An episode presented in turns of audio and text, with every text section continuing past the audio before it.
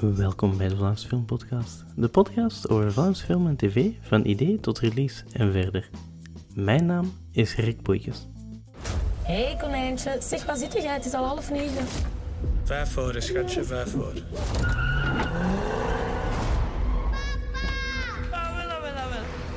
Ik heb een jobje.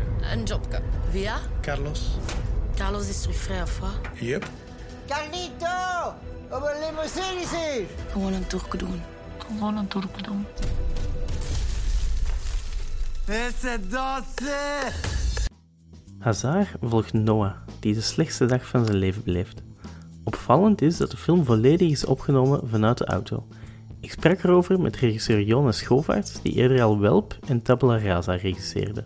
We hadden het onder andere over de verschillende manieren waarop er met een rijdende auto gewerkt werd. Let op, we hebben het over de inhoud van de film en hoe bepaalde scènes gemaakt werden, maar zonder al te veel spoilers.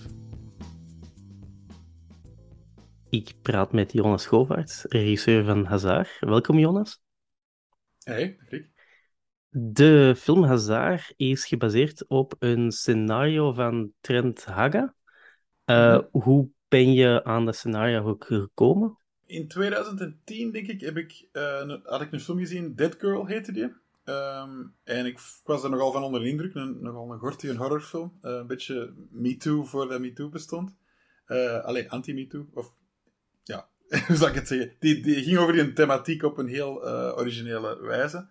En wat ik wel vaker doe als ik denk van, ah, hier zit, hier zit iemand aan de andere kant met wie ik wat gemeen heb of zo. Dus ik heb gewoon een, gezocht, opgezocht wie dat, dat geschreven had. Dat was Trent Haga. En die via Facebook een berichtje gestuurd. Het deed mij denken aan, aan een kort verhaal. Of aan kort verhalen, aan een stijl van, van een horrorschrijver. Ik, ik heb die naam vernoemd. En de Trent reageerde van, je zit de eerste die dat uh, opmerkt. Dat, dat was voor hem een groot voorbeeld. en zo zijn we blijven praten. Um, en die komt eigenlijk uit de Trauma-school. dat is zo'n New Yorkse horror van Lloyd Kaufman. Dat is een beetje een punker. Uh, punkcinema maakt hij. Dat is een schrijver, maar ook een regisseur en een acteur. De volgende keer dat ik in L.A. was, uh, hebben we afgesproken. Wij kwamen heel goed overeen. En we waren eigenlijk uh, aan het proberen samen een film op poten te zetten. Een ander scenario.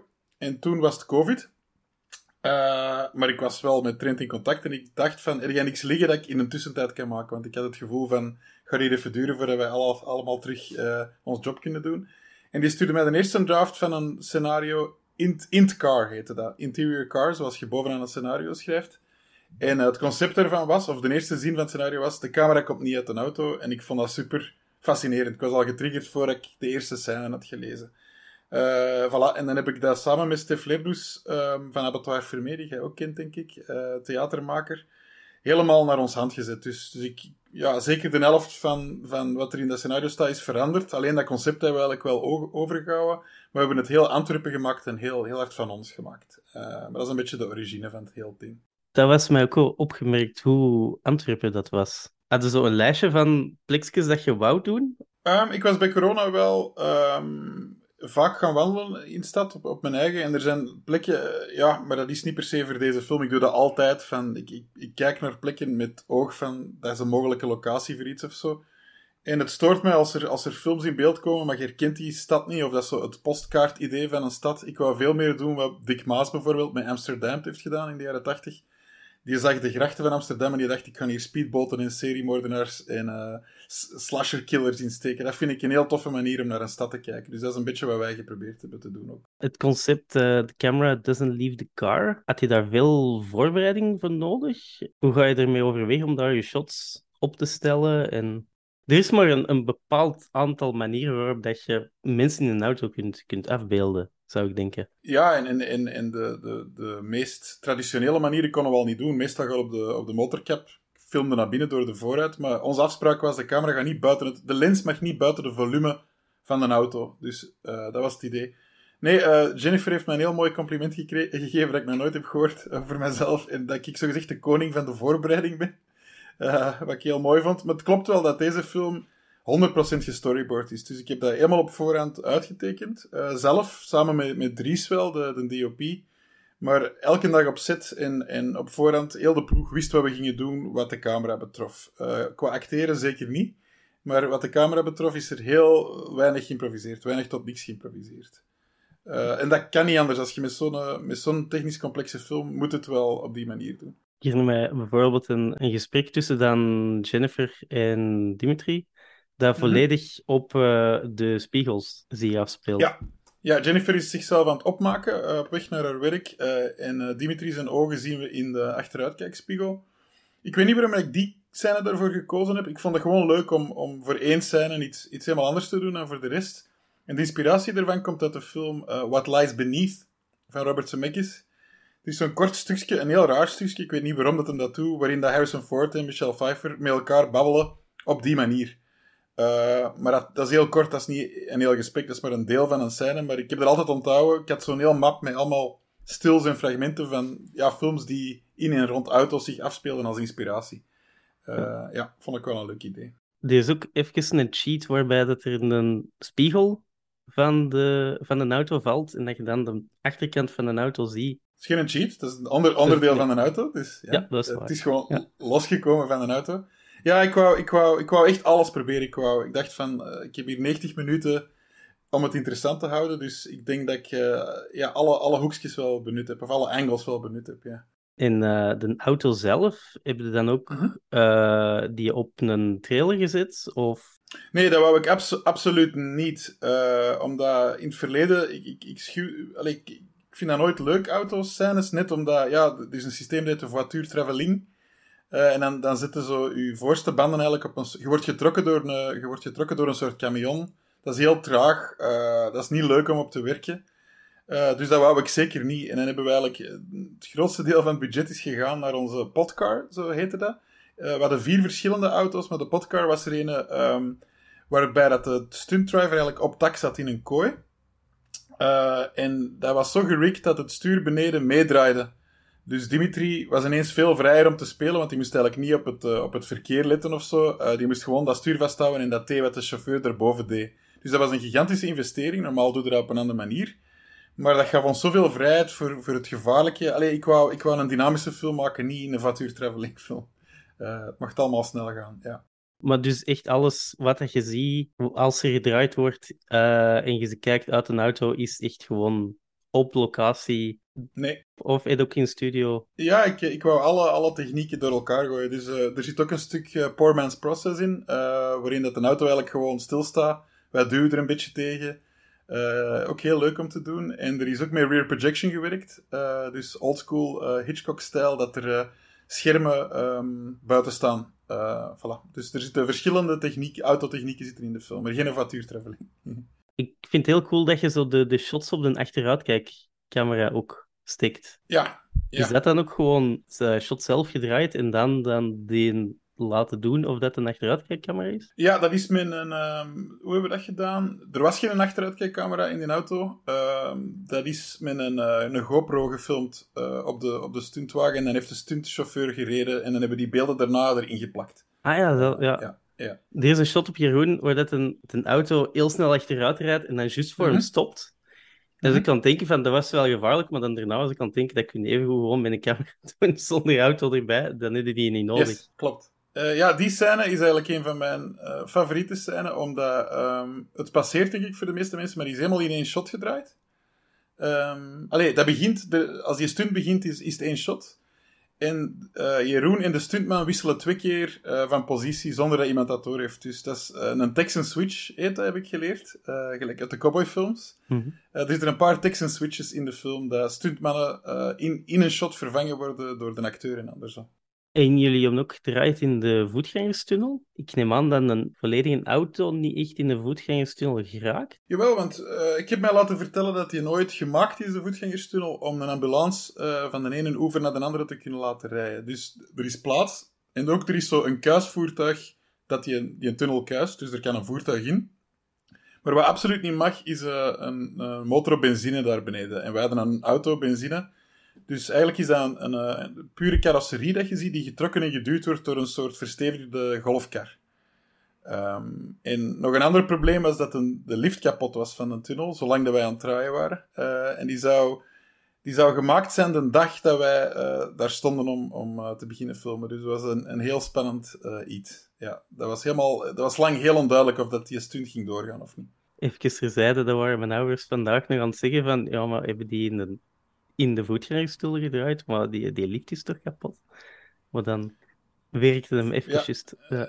Een, een, dag, een dag heeft hem gewerkt. eh, en daarna was hem eigenlijk... Nu is hem nog kapotter dan ervoor. Kan, kan met ons te maken hebben, dat weet ik. Er zit ook een stukje animatie in. Hoe, eh, wie heeft die gemaakt? Dat is animatie van Jacques de Digitale en eh, zijn compaan Nick Timmermans. Ja, dat is, een gast, dat is een gast waar ik vaker mee samenwerk. Die doen, wij doen vaak clips samen voor, eh, voor Millionaire, ehm, dat soort dingen.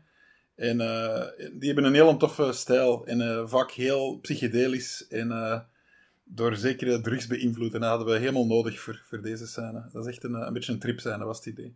En het was dan ook gewoon het, het originele beeld waar dat dan op geanimeerd wordt. Nee, nee, nee, want ehm, die, die figuren zijn dunner, of die zijn dunner dan de echte acteurs, dus dat waren lege kaders. En dat was natuurlijk voordelig dat we een auto hadden met een chauffeur op dak, want dan kun je een auto laten rijden, dat stuur draait, maar er zit niemand achter het, eh, er zit niemand achter het stuur. En daar, daarna hebben we daar, dat konijn erin getekend. Ik denk dat ik op de credits ook gezien heb dat jij ook iets inspreekt in het geanimeerd stukje.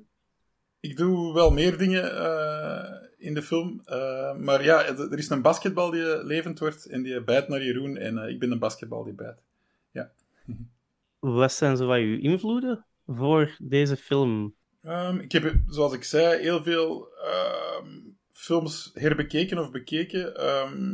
Ene die moeilijk te vinden is, maar die wel degelijk een grote invloed was, was Rabbit Talks van Mario Bava. Eh, dat is eigenlijk een van zijn laatste films, of zijn laatste film. Ehm, en dat is een, een gangsterfilm, eind jaren 70 gedraaid, maar pas 1980 uitgekomen. Eh, ja, een bende zware criminelen die in een heel klein autootje ontsnappen na een overval. En, eh, en je brengt heel veel tijd met die gasten door in die auto. En dat is zo vrij opgefokt, is heel warm die dag. En zo dat sfeertje vond ik heel tof. Eh, dus dat was zeker een invloed. Wat ook een invloed was, niet per se een autofilm, maar ehm, een, een weinig geziene Scorsese-film, eh, After Hours. Ik weet niet of dat u iets zegt. Eh, Eh, ik heb 80. de naam wel gehoord, maar nog nooit gezien. Ook, ook een gast die in New York eh, gewoon moet thuis zien te geraken en allemaal mensen tegenkomt. En wordt dat probleem om thuis te geraken wordt groter en groter. En dat is zo een bad day of een bad night film. En dat vind ik heel tof. En zeker ook gekeken naar Duel. Die staat gewoon op YouTube. De eerste film van Steven Spielberg. Ja, dat is ene man in een auto tegen een truckchauffeur die hem, die hem kloten achterna zit en wil vermoorden. En daar zie je dat je met heel weinig middelen heel spannende cinema kunt maken. Dus zeker die drie. En Amsterdam, zoals ik al zei. Eh, Dick Maas is, was een grote invloed voor deze. Aangezien dat we Noah altijd zegt van je bent de chauffeur, maar hij zegt dan ik ben een driver. Moest Mhm. ik aan The Driver denken van Walter Hill? Mhm. Heeft dat er ook iets mee te maken? Of... Dat was één van de films dat ik eh, heb eh, herbekeken, zeker. En wat daar heel interessant aan is, dat is Ryan O'Neill speelt daar de driver. En, en ik zag dat hij, er is een scène waarin dat hij eh, aan, aan mensen die hem willen inhuren laat zien hoe goed het hem kan rijden door die van achter te laten instappen. En die rijdt in een parkeergarage heel zijn auto kapot terwijl dat die op de achterbank zit. Eh, en die zijn gezicht is gewoon blijft, dat, is, heeft, geeft, heeft geen emotie. Die zit gewoon achter het stuur en die doet dat. En dan dacht ik van, ah, dat is ook wel tof om met een Dimitri te proberen van... Die auto kan stunten, maar hoe cooler dat hij erbij zit, hoe minder dat hem doet in, in, in dat soort scènes, hoe, hoe, hoe imposanter. Dus ik vond dat iets leuk om over na te denken, om in onze film soms ook te doen. Eh, dus ja, op, dat, op, dat, op die manier was het de driver zeker een, een invloed.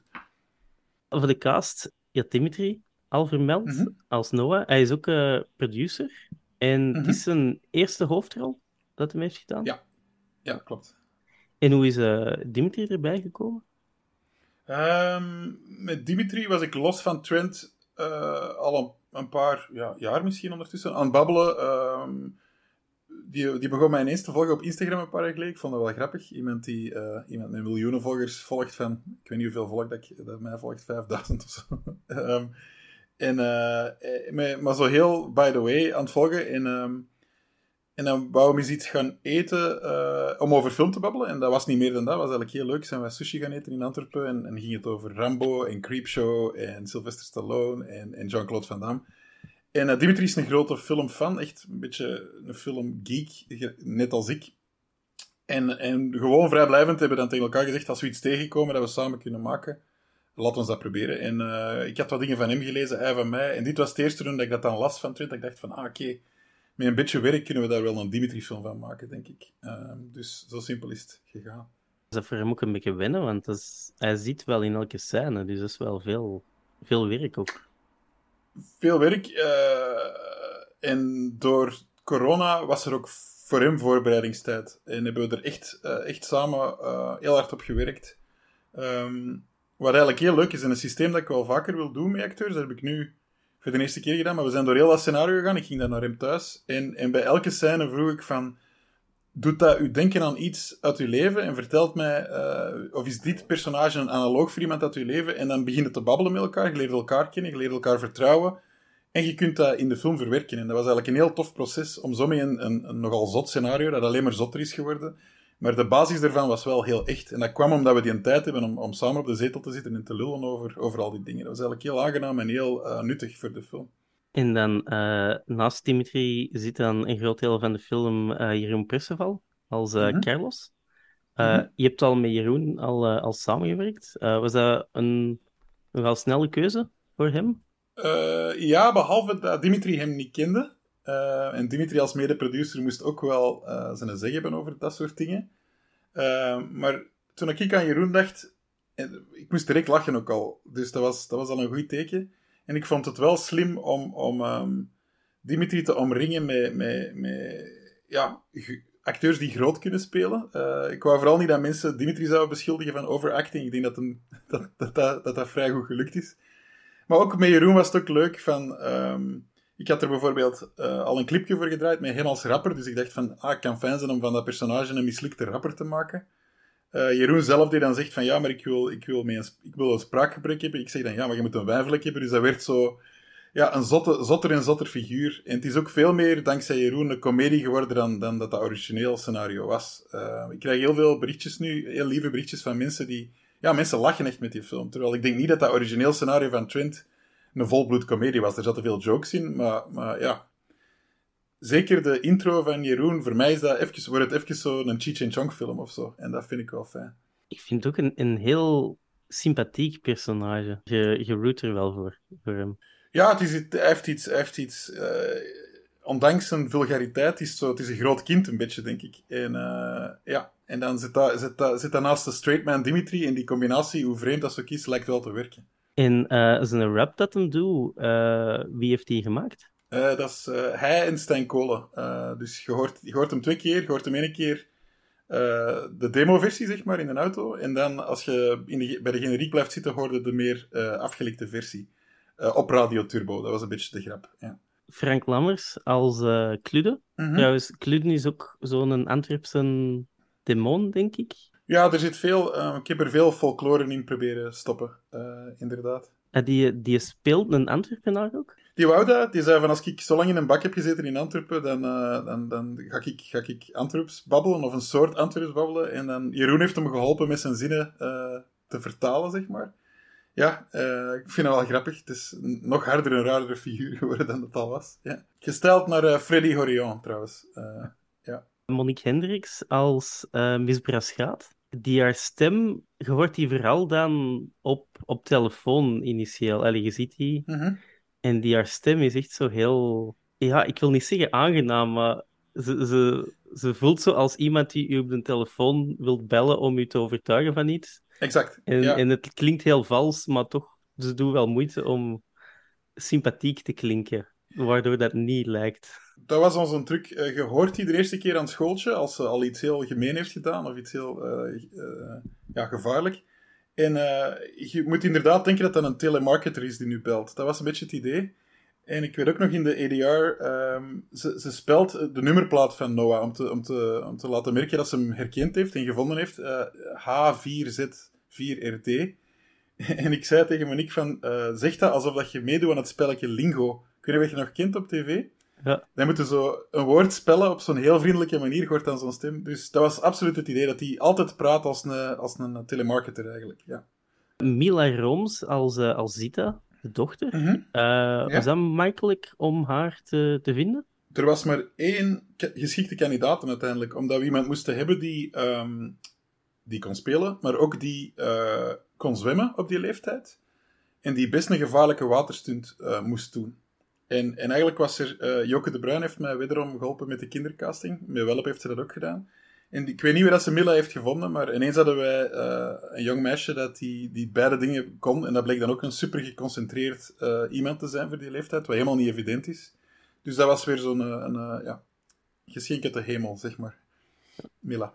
Ja, ook eh, Jennifer Heijlen. Ook een, vrij kleine rol, maar wel memorabel. Ik wou iemand die, die, die ehm, een onmiddellijke indruk maakte. En dat is Jennifer gewoon van zichzelf al. En iemand die, je, die je, ja, zoals je zegt, eh, die moet u bijblijven. En als die belt, moet u weten van, oei, dat is die felle van daar straks. En ik, ja, ik was ook heel blij dat Jennifer, eigenlijk een gelijkaardig proces mee. Van, ik heb zo gevraagd van, kende jij zo'n griet? En dan zijn we die samen beginnen stylen. Die stuurde mij allemaal foto's van wat voor, wat voor, wat voor lenzen, wat voor pruiken, wat voor kleren. Dus dat was een heel eh, creatief proces, samen met de acteurs. Eh, en al- dat was ook heel belangrijk dat dat, geen, dat, dat geen, niet de typische zaag was. Eh, dat dat echt wel iemand was die je ook tof vond. En, en dat was heel belangrijk, net omdat hij zo kort in de film zit. Je Ja. moet snappen dat die twee samen zijn, dat die wel niet samen wonen. Allee, ik wou in die korte tijd dat je mee hebt, in, in de setup, dat je heel die situatie door had eigenlijk tussen die twee. Ah ja, en nog de, de maman. De, de, de Mhm. mama dan van Lea, de grootmoeder van, van Zita. Dat is trouwens een eh, zangeres van Zap Mama. Ah ja. Eh, er zitten heel veel muzikanten-cameo's in de film. En dat is er eentje. Eh, en ik wou ook heel veel talen in de film. Ik vind dat omdat Jennifer soms, ik merkte dat hij soms belde met iemand ineens in het Frans. En, en ik dacht, ik denk dat er zes of zeven talen worden gesproken in de film. En eh, dat is Antwerpen ook als je rondloopt. Dus ik wou daar wel een, eh ja, een knipoog naar maken. Ja, je hebt ook, dat is dan volledig een rol op stem en eigenlijk op eh, speaker, dat een belt voor... eh, Jorgos, dat is de bookmaker eigenlijk, Ja. hè? mhm. Ja, en dat is een, dat is een bekende Griekse acteur. Dat was, we hebben er heel lang naar gezocht. Eh, en ineens had een Dimitri Wacht, er is een, een acteur die een fan van ons is, een zekere Nick Giannopoulos heet hij.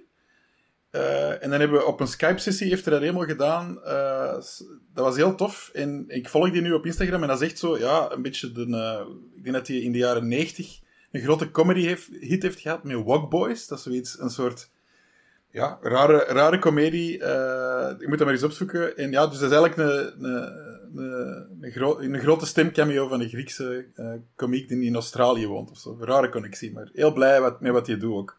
Eh, Want dat was ooit in het Engels, dat, dat gesprek. En dan dacht ik, ik vind het heel leuk om met een Dimitri zijn Griekse roots te spelen.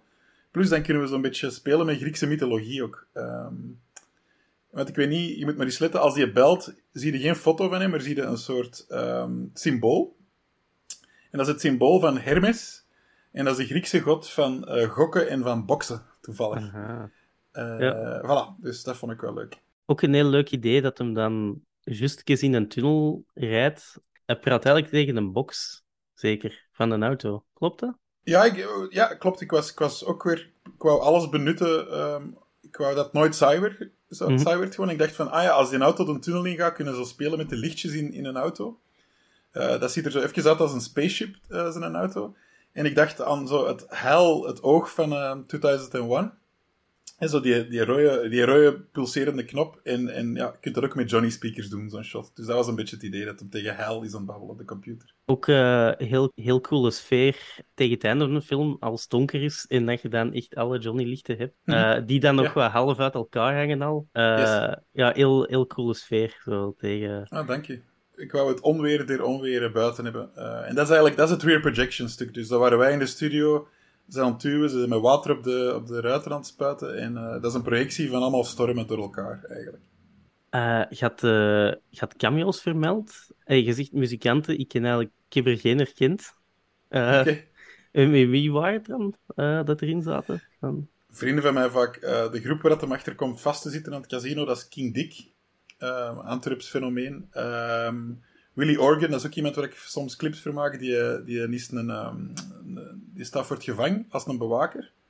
Eh, de Bonnie Blues en de drie zangeressen die hebben de jingle van Starglass ingezongen. En die, ehm, die springen weg voor de auto op het basketplein.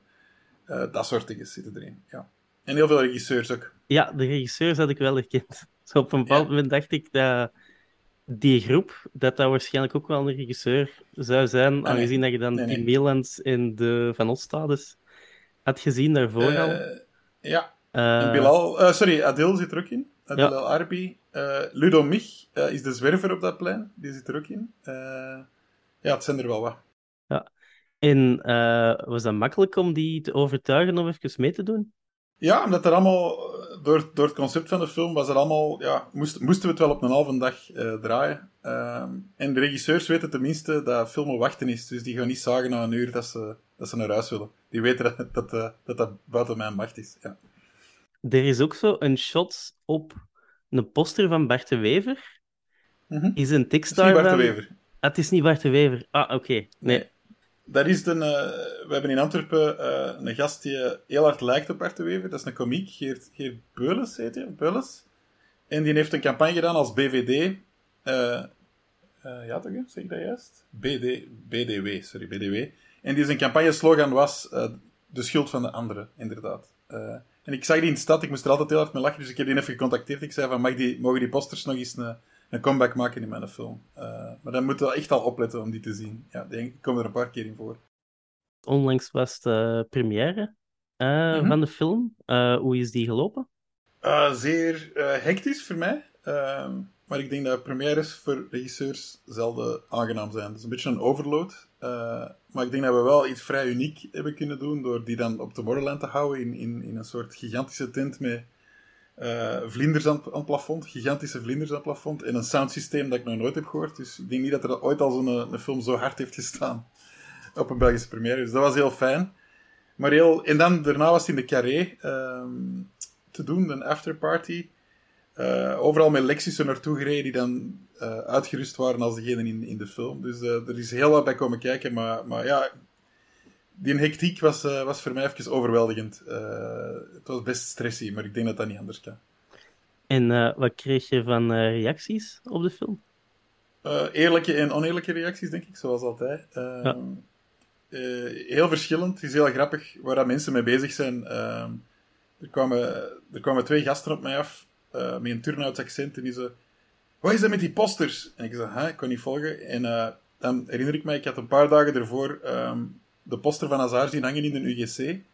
Maar die was helemaal blauw. Dus ik had al paniek, eh, paniek ehm, telefoontje naar productie ge- gepleegd blijkt dat dat wel vaker gebeurt dat ze posters van achter blauw maken, maar dan is dat niet de bedoeling om die op de lichtbak te hangen. En dat was wel gebeurd in een UGC, dus een foutje, maakt niet uit. Maar die gasten waren van een Utopolis van Turnhout. Eh, en die kwamen heel trots uitleggen dat ze, bij hun was dat geen probleem en ze hadden die lichtbak aangepast. Maar die, die dachten dat ik direct zou weten wie dat zij waren en waarover we het gingen hebben. Dus dat soort korte, rare gesprekken worden constant op een première gevoerd. Eh, vond ik wel grappig. Dat Turnhout het opgelost had. En eh, wat gebeurt er nog met de film eh, in de toekomst?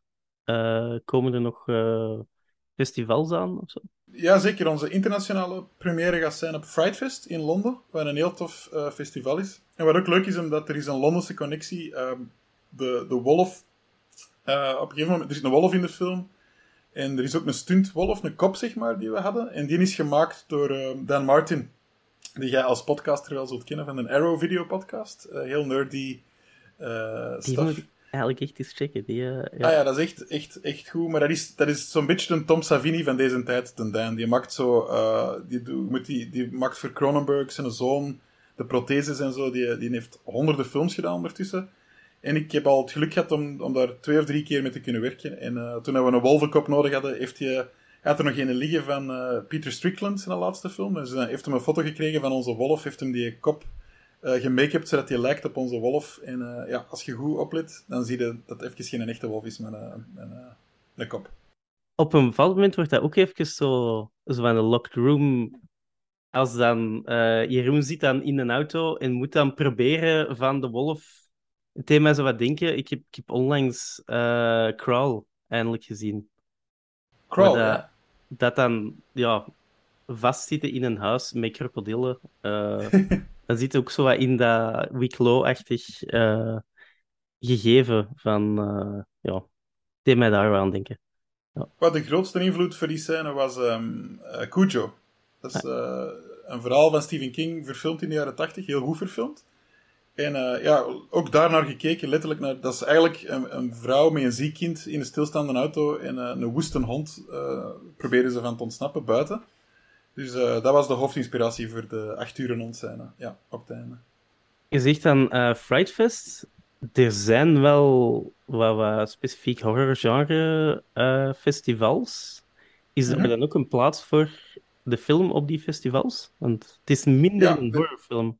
Ja, maar, maar Frightfest, die, die sturen zelfs in hun intro van wij heten wel Frightfest, maar eigenlijk zijn wij een, een genrefestival. Dus, en het is zeker wel een genrefilm. Het is eh, verschillende genres, zou ik zeggen. Maar hij is binnen op andere festivals ook, die dat ik nog niet kan noemen, want die willen wachten op hun... Die willen dat zelf officieel maken.